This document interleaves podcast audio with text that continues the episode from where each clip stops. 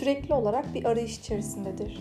Çoğu zaman ne aradığının farkında bile olmasa da hayatıyla ilgili bir anlam arayışındadır aslında. Ben klinik psikolog Merve Güne Bakan. Aradığımız anlamı birlikte bulacağız.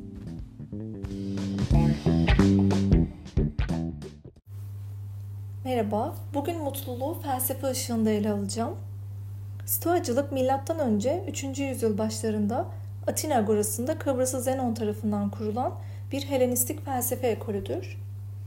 Bireyin felsefesinin en iyi göstergesinin bir kişinin ne söylediği değil, nasıl davrandığı olduğunu düşünüyorlardı. Seneca, Epiktetos gibi birçok stoacı erdem mutluluk için yeterli olduğundan bir bilgenin talihsizliklere karşı duygusu olarak dirençli olacağını vurgulamıştır. Yani Stoa felsefesinde mutluluğu kendi iç dünyasında aramak olduğunu savunuyorlar. Stoacı felsefeye göre mutluluktan bahsedelim. İlk olarak kontrol edemediğimiz şeyler için endişelenme. Tabii ki de hayatımızda elimizde olan şeyler vardır. Bunlar için kaygılanmak çok doğal. Ancak dış etkenlerden çok fazla etkilenmek çok da mantıklı değil. Örneğin bir uçağa bindiğimizde sürekli olarak uçağın düşeceğini düşünmek.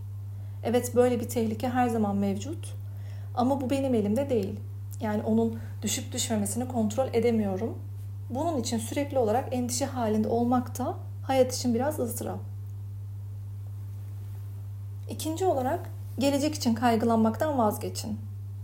Hep daha iyi şeylerin gelecekte olacağını beklemek yine hayat kalitemizi çok da iyi etkilemez. Şu ana odaklanıp şimdiyi düşünmek gerekiyor. Bir diğer madde olarak seni üzen olaylar değil, inandıklarındır. Yani bir olayı iki farklı kişi yaşayabilir ama herkes aynı tepkiyi vermez. Ancak olaya baktığın yer gerçekten çok etkili. Kabullenmek ve ilerlemek, farklı yerlerden değerlendirmek gerekir bazen.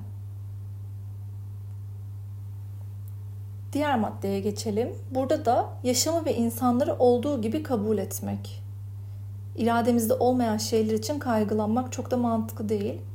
Aslında yine ilk maddeye çok benzer bir şey.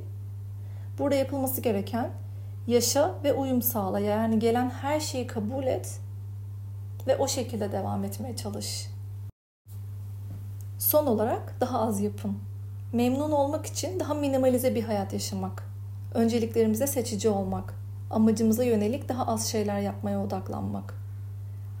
Evet, Stoa felsefesine göre mutluluktan bahsettik. Peki sen bunların hayatında kaç tanesini yapabiliyorsun? Hangilerine yer veriyorsun? Bir sonraki bölüme kadar kendine iyi bak. Görüşmek üzere.